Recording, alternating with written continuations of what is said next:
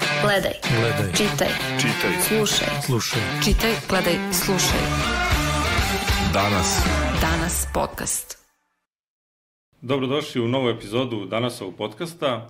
Ja sam Vojislav Stojisavljević. E, Današnja tema nam je zdravlje. Razgovarat ćemo o kardiovaskularnim bolestima i o problemima e, koji pogađaju sigurno najvažniji mišić u, u našem organizmu, onaj koji sve pokreće i od koga nam mnogo toga zavisi što se tiče našeg zdravlja, a to je naravno naše srce. E, moj gost danas je kardiolog i upravnik klinike za kardiologiju na Institutu za kardiovaskularne bolesti Dedinje, e, profesor dr. Petar Otašević. Dobrodošli, doktore. Bolje vas našli. Hajde za početak da eto, krenemo od te najopštije stvari i da objasnimo šta su tačno te kardiovaskularne bolesti, tačnije koje su najčešće bolesti iz te grupe. Da, pa kardiovaskularne bolesti su zaista vrlo, vrlo širok pojam, ali ono što mi najčešće srećemo i samim tim pobrojnosti jeste najveće, najznačajnije, jeste svakako povišen krvni pritisak, takozvana hipertenzija. Zatim ono što često srećemo jeste bol u grudima, znači koronarna arterijska bolest, što će reći nakupljanje naslaga u krvnim sudovima koji ishranjuju srce, koje dovode do bolova u grudima popularne angine pectoris. Zatim imamo probleme koji se tiču poremeće srčanog rada, to je kada se žalite da vam srce preskače. I poslednja stvar, ali naravno i najmanje značaja, to su problemi sa zaliscima koji dvaju različite srčane šupljine koji mogu da budu suženi pa otežano propuštaju krv ili pak da recimo se ne zatvaraju dobro i tada imamo povećano propuštanje krvi. E, sad bih se osvrnuo na, na simptome. S obzirom da sad pomenuli ste bol u grudima, recimo to, a koji su još simptomi koji nam sigurno daju neki znak i kao treba da nam probude alarm da imamo problem baš sa, srcem? A, pa u medicini ništa nije potpuno sigurno, ali može sa jakom verovatnoćom da ukazuje na određeni problem. Znači možemo poći od tog bolu u grudima koji je nekako ovaj, najčešće vezano za probleme sa srcem.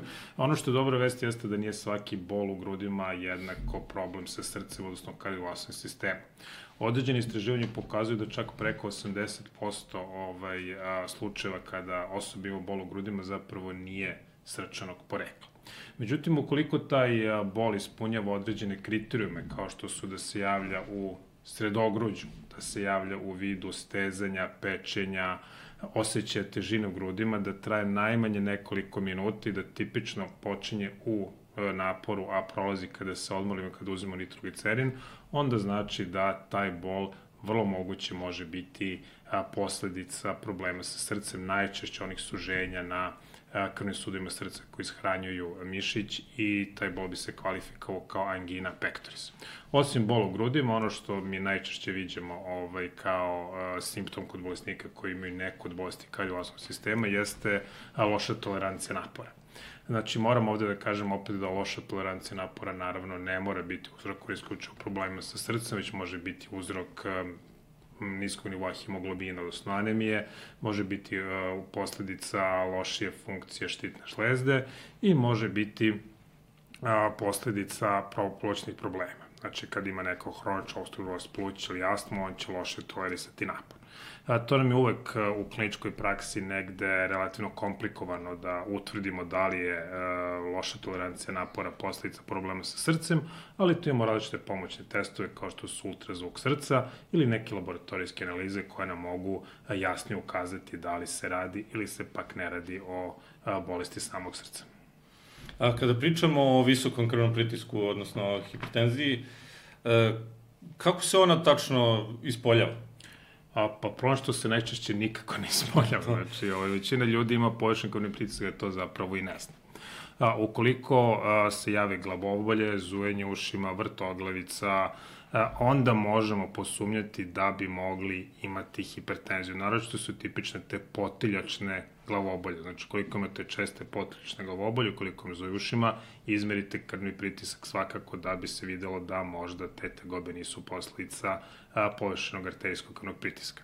Međutim, kod velike većine ljudi jednostavno povišen krvni pritisak ne daje nikakve tegobe godinama, ali predstavlja jedan ozbiljan faktor rizika za razvoj šloga, akutog infarkta miokarda i srčane slabosti. Prema tome neki generalni savet, jedno do dva put godišnje izmerite svoj krvni pritisak i ako nemate nikakve tegobe. A se to odnosi kao na sve ili bi trebalo ipak, ne znam, mlađi i stariji da, Pa u možda stariji da principu, češće mere? u principu hipertenzija, po, znači učestvo hipertenzije raste sa godinama starosti. Prema tome logično je da su stariji pod većim rizikom od razvoja hipertenzije, međutim nisu ni mladi pošteđeni razvoj hipertenzije, pa čak ni deca. Neki naš savet je da se do 40. godine pritisak izmeri jednom u 2 do 3 godine, a nakon 40. godine svakim godine barem jedan put generalno, moj savjet je izmerite jedan godišnji pritisak. Nije dugačko, neko što je mnogo, a može mnogo da pomogne. A, recite mi, kad neko već ima visok pritisak, recimo pijeterapije, koliko bi oni često trebali sebe da kontrolišu u tim A, situacijama? pa prvo treba postavimo diagnozu povećanog krvnog pritiska. Šta je povećan krvni pritisak? To je pritisak preko 140 sa 90 mm žive koji se održava. Znači nije dovoljno da jedan put izmerite povećane vrednosti, te vrednosti moraju biti povećane u jednom a, a ja kažem, duže vremensko intervalo, znači najmanje nekoliko nedelja te vrednosti moraju da budu povišene. Kada diagnostikujemo ovaj, hipertenziju, onda imamo nekoliko načina kako lečimo. Znači uvek ukoliko nije ekstremno visoke vrednosti krvnog pritiska, trudimo se da modifikujemo način života, jer hipertenzija zapravo jeste povezana sa nekim faktorima rizika koje, do kojih mi sami dovodimo, kao što je nedovoljna fizička aktivnost, prekomerna telesna težina ili prekomerni unos soli. Obično pokušamo da objasnimo ovaj, bolesnicima šta treba da promene u svom životu i zakažemo neku kontrolu za tri meseca. Iz mog ličnog iskustva ovaj, u Srba ta ovaj, higijensko-dijetetska kontrola krvnog pritiska gotovo nikad ne uspe, znači preko 95% ljudi zapravo ne uspe da reguliše krvni pritisak na taj način, šta je razlog tome, verovatno nedostatak a, volje, nedostatak jasne ideje da je bolje da lečimo hipertenziju bez primene lekova. Ukoliko ne uspemo na ovaj način da regulišemo hipertenziju, onda krećemo sa lekovima. Savremena terapija hipertenzije najčešće se kreće sa dva leka u manjim dozama i pokušamo, znači mi na osnovu određenih karakteristika bolesnika možemo pretpostaviti koja kombinacija lekova i koja doza će biti najpovoljnija, ali nikad ne možemo biti sigurni napred da li smo ovaj, odredili pravu terapiju, odnosno prave lekove i pravu dozu. Zbog toga se naručuju bolesnici na kontrolu posle 3 do 4 nedelje, jer jednostavno treba nekoliko nedelja da bi lekovi a, napravili svoj pravi efekat, vidimo da li je pritisak dobro regulisan. Znači, u principu, za većinu bolesnika, kao dobro regulisan pritisak, smatramo da taj a, gornji pritisak, odnosno istolni pritisak, treba da bude ispod 130, a donji, odnosno dijastolni, ispod 80 mm žive.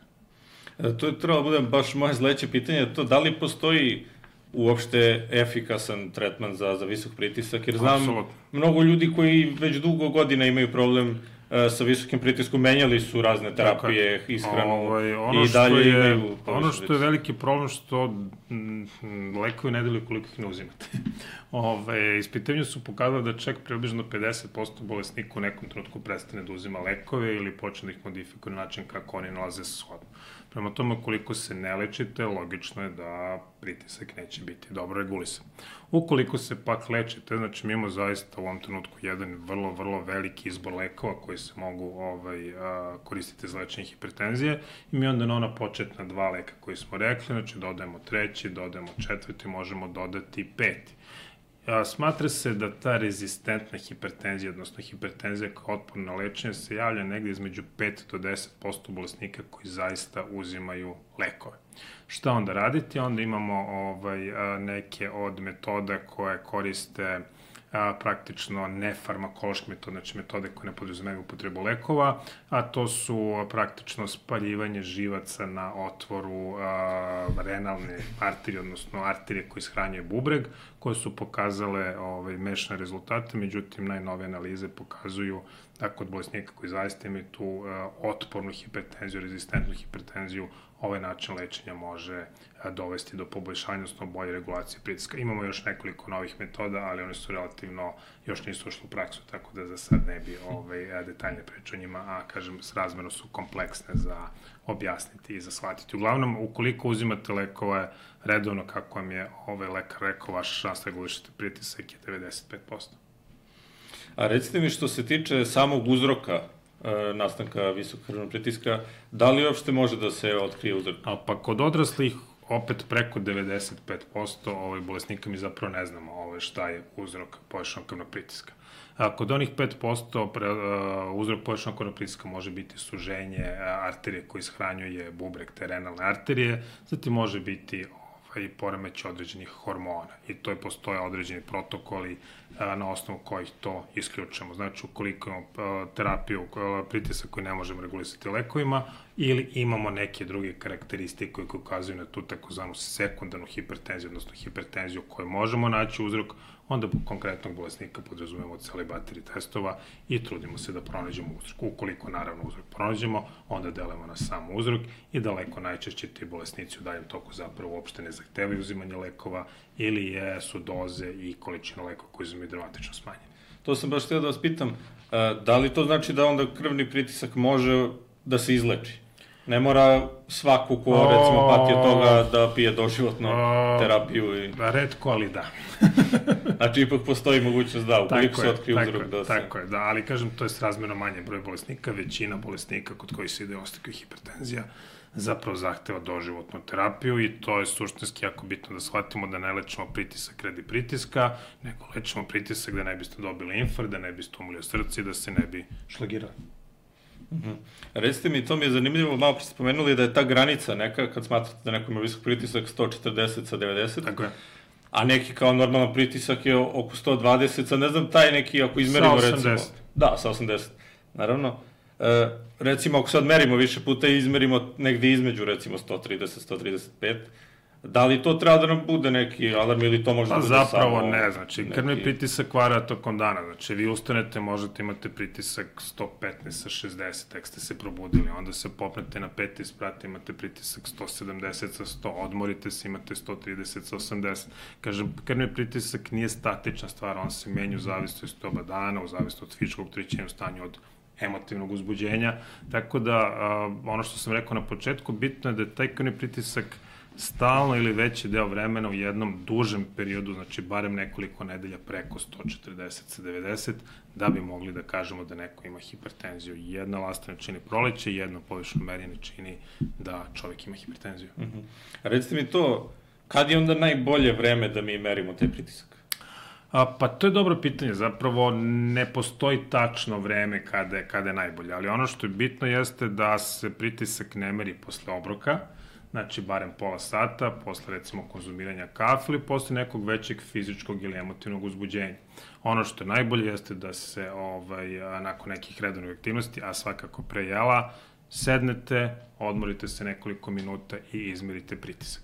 S obzirom da ljudi različito reaguju na merenje pritiska, znači moguće ta takozvana hipertenzija belog mantila, što mi popularno zovemo, a to je zapravo situacija gde bolesnik ima površen krvni pritisak kada dođe kod lekarima, potpuno normalan pritisak u kućnim uslovima. Ali pravilno merenje krvnog pritiska jeste znači, pre obroka, znači pre konzumiranja kafe ili ukoliko pušite pre, ovaj, pre cigarete, nekoliko minuta odmara, ono što mi preporučujemo jesu aparati, odnosno oni samo merači koji imaju e, manžetnu na nadlaktici, ne na ručnom mhm. zglobu, pošto su ovi a, e, drugi značajno nepouzdani. I ukoliko imate različite merenja pritiska, izmerite tri ili četiri puta i zapravo uzmite srednju vrednost, jer kao što sam malo pre rekao, znači krvni pritisak može varirati.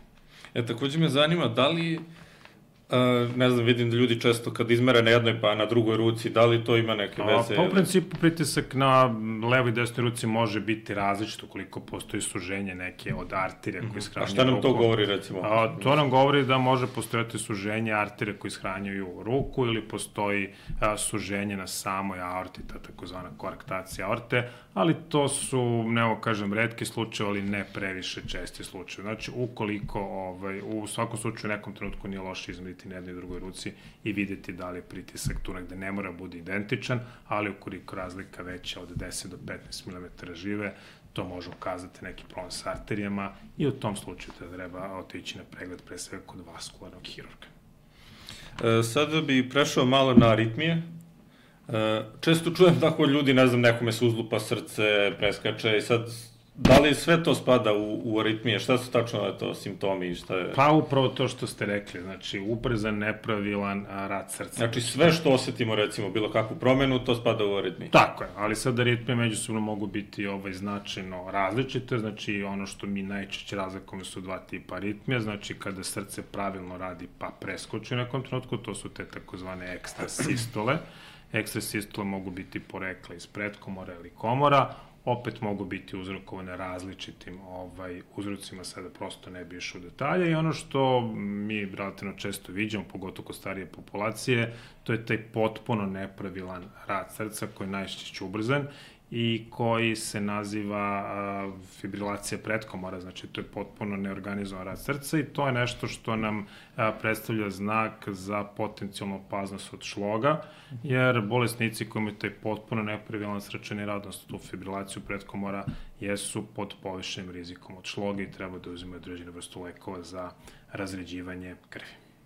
A, recite mi, kad tačno mi treba da se obratimo lekaru, jer svi nekad osetimo recimo kad imamo tremu, uzlupa nam se srce, Tako to. je, pa u principu da se smatra da je to? do tih 200 preskoka u toku dana normalno, znači smatra se do 200 tih ekstra sisla tokom dana praktično jeste normalno. Međutim, ukoliko češće imamo ovaj taj ubrzan ili nepravilan srčani rad, a, pogotovo ukoliko znamo da već postoji neki problem sa srcem, mm -hmm. recimo da je neko imao infarkt miokarda, da je dobio stent, da je operisao srce na bilo koji drugi način, onda to treba da nam predstavlja neki alarm da se javimo lekaru. Znači, jednostavno aritmije mogu biti potencijalno opasne, pogotovo te koje su porekle iz komori, mogu dovesti čak i do smrti, tako da ovaj, zahtevaju ispitivanje odgovarajući i naravno odgovarajuću terapiju.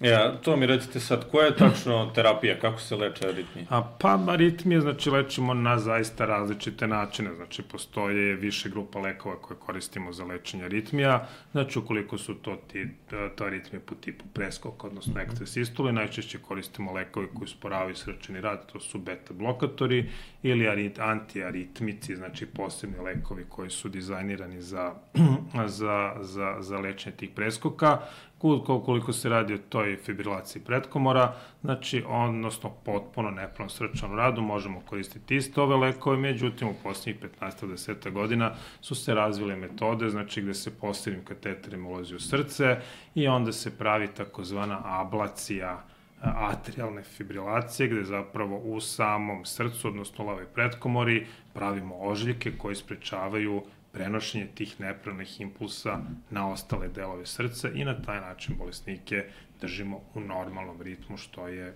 sinusni ritam, stručno rečeno. Uh -huh.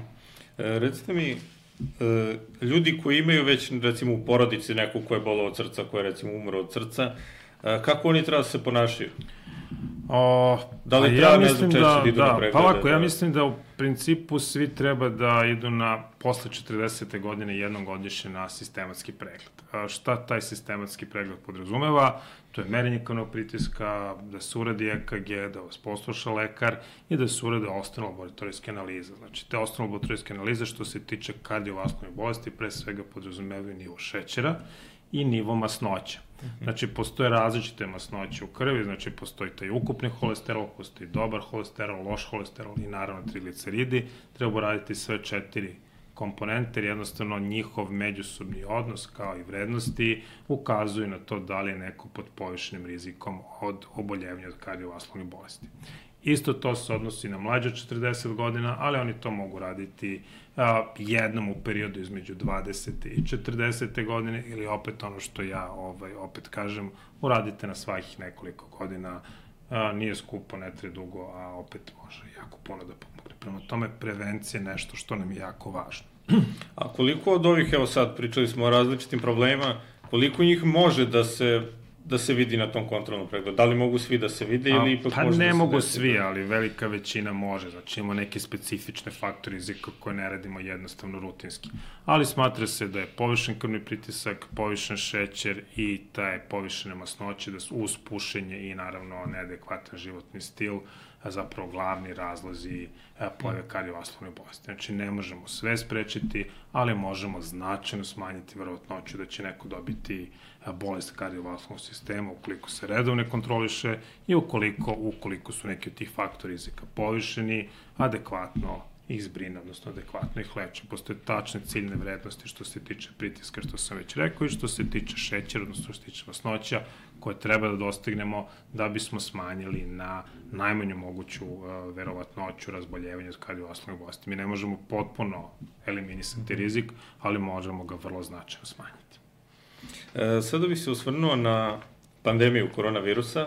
Ona najčešće i najčešće se tokom one najžešće pandemije pričalo o tim respiratornim problemima, ali vidim da su u posljednje vreme sve više priča o tome da korona ne napada i, srce, pa evo da nam vi kažete da li je to tako i kako tačno ono... Oh, je, pa korona je napadala sve i svašta. Jeste, neko pluća su da. bila kao najviše na udaru i uvijek se ovaj, Pa, na svu sreću, znači, mi imamo te neke akutne efekte korone, odnosno virusa korone na srce, kada može izazvati zapaljenje srčanog mišića, to je taj takozvani miokarditis.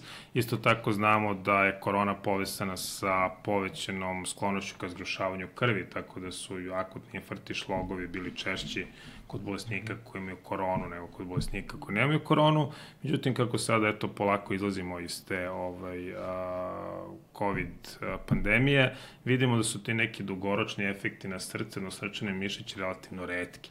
Znači imamo, ja bar u svojoj kliničkoj praksi imam jako malo bolesnika koji su imali koronu i kod kojih je korona ostavila neke trajnije posljedice na srčani mišić, pre svega u smislu neke srčane slabosti, odnosno popuštanje srčanog mišića, najverovatnije kao posljedica prepoznatog ili neprepoznatog miokarditisa, odnosno zapaljenja srčanog mišića tokom samog COVID-a. Znači, nema sad nekog pretarnog razloga za, za paniku kod ljudi koji su, ne. recimo, preležali jednom ili više puta. Ne Uglavnom COVID. ne. Kažem, te ozbiljne posledice vidimo jako redko. Zanima me sad, pomenuli ste fizičku aktivnost kao nešto što je dobra prevencija. E, koliko je ona zapravo dobra za srce? Sad me to zanima konkretno. Imali smo neke slučaje sportista koji su samo ono, padali na terenu i koji je tu uglavnom bio uzrok srce pa, upravo? Pa mislim da, sad mi moramo razlikovati ovaj profesionalno bavljanje sportom od, od rekreativnog bavljanja sportom. Znači, rekreativno bavljanje sportom um, podrazumava fizičku aktivnost u trajanju od najmanje 150 minuta tokom nedelju dana. A šta to praktično znači? To ne mora da bude neka ekstremna fizička aktivnost tipa trčanja ili nekog uh, ozbiljnog plivanja, ali svakako podrazumeva brzi hod, znači brza šetnja, lagano trčanje, lagano plivanje, vožnje bicikla, znači praktično sve te neke aerobne aktivnosti nam pomažu da smanjimo rizik kardiovaskularnih bolesti. Kada pričamo o profesionalnim sportistima, znači to je potpuno ovaj, drugačija situacija, su oni izlažu ekstremnim naporima i to je naravno jako važno uh, imati redovne medicinske preglede. Postoji određeno neslaganje u stručnoj zajednici šta ti pregledi treba da podrazumevaju, pošto imamo veliki broj ljudi, pre svega omladine koje se aktivno i profesionalno bavi sportom, tako da ne mogu ići u neke ekstremno detaljne preglede, ali neki, neki savjet jeste da se radi EKG jednom godišnje i da se bar jednom uradi i ultrazvuk srca, jer neke promene koje možemo vidjeti na ultrazvuku srca jednostavno ne možemo ili se jako teško vide na ultrazvuku. Neki put prosto sve može da bude normalno, a da dođe nažalost do tog a, fatalnog ishoda. Znači, smatra se da dolazi do napresne smrti kod jednog od 40, od 40 do 60 hiljada profesionalnih sportista. Tako da to nije toliko često, ali uvek dobije publicitet i s obzirom da se radi o mladim ljudima, to je naravno uvek tragično i upravo zbog toga treba da insistiramo na tim preventivnim pregledima pre uključivanja u a, profesionalne aktivnosti zapravo sportske. A kod ljudi ovako koji eto nisu pretarano inače fizički aktivni ili recimo kod gojaznih ljudi i slično, da li fizička aktivnost može da bude kontraproduktivna? A, pa sve što je neumereno može da bude kontraproduktivno. Znači, u principu, ukoliko ste duži vremenski period bili neaktivni, ukoliko imate više kilograma, ukoliko imate povišen pritisak, ukoliko imate šeće ili masnoće, razumno je konsultovati se sa vašim lekarom na koji način da započete fizičkom aktivnošću. Naravno, ne treba započeti odmah sa nivom fizičkom aktivnošću, smo stali pre 15 godina, pošto to jednostavno nije, nije, nije razumno, ali znači jedna ograničena i blaga fizička aktivnost, kažem, pre svega šetnja, brzih hod, plivanje, vožnja bicikla nisu nešto što bi moglo da ugrozi većinu ljudi. Naravno, koliko ste prethodno imali infarkt, prethodno imali šlog, onda ta priprema za a, povećanje fizičke aktivnosti mora da bude mnogo, mnogo pažljivija. Ali neki savjet je polako dižite fizičkog nivo fizičke aktivnosti ukoliko imate prateće bolesti, iskonsultujte se s vašim lekarom koji je nivo aktivnosti koji je vama preporučen i koje bi to bile aktivnosti. -huh. A sad kad smo, kod, pomenuo sam gojaznost, da popričamo malo i o toj ishrani, koliko je zdrava ishrana recimo bitna i koliko je, ne znam, ono, ljudi koji puše, koji piju, ne znam, kako te stvari utiču takođe na, na probleme srca? Pa, apsolutno utiču, znači, da, da prvo od ishrane, znači, ono što se naravno treba, treba truditi, znači, da se hranimo zdravo, šta znači hraniti se zdravo, to je pre svega ne unositi višak kalorija, znači neki prosečna vrednost kalorija za odraslu osobu je između 2-2,5 hiljade kalorija dnevno. Koliko uzmete obzir da Big Mac ima 500 kalorija, onda znači da ovo nemamo baš mnogo ovaj, kalorija koje možemo nosimo tokom dana, ali ovaj, nije samo bitna količina kalorija koje nesemo, bitan je naravno kvalitet ishrane, tu je potpuno jasno da treba insistirati na voću povrću, znači na mesu koje ne sadrži veliki procenat masnoća kao što su riba, piletina, teletina i naravno treba izbjegavati ishranu u nekim um, neredovnim intervalima. Obično se savjetuje da imamo do pet obroka dnevno, s tim što su tri glavna, naravno, ručak, doručak, ručak, večera i sa neke dve manje užine umeđu vremena. Ono što je neko moje lično iskustvo i moj savjet, u principu treba izbjegavati uh, hranju u nekim kasnim večernjim časovima. A, to je što se tiče hrane, naravno a, fizička aktivnost nam može pomoći da potrošimo neku određenu količinu energije tako da stvaramo određeni prostor za takozvano varanje, mm -hmm. odnosno ne možemo naravno sve što je jako striktno nije održivo naravno, a naš cilj je da se balansiramo i zdravo hranimo veći deo, odnosno praktično do kraja života skodno tome. Znači ono što ja savjetujem svojim ovaj, bolesnicima ili svojim prijateljima, šest dana u nedelji vodite računa, sedmi dan možete raditi praktično šta hoćete.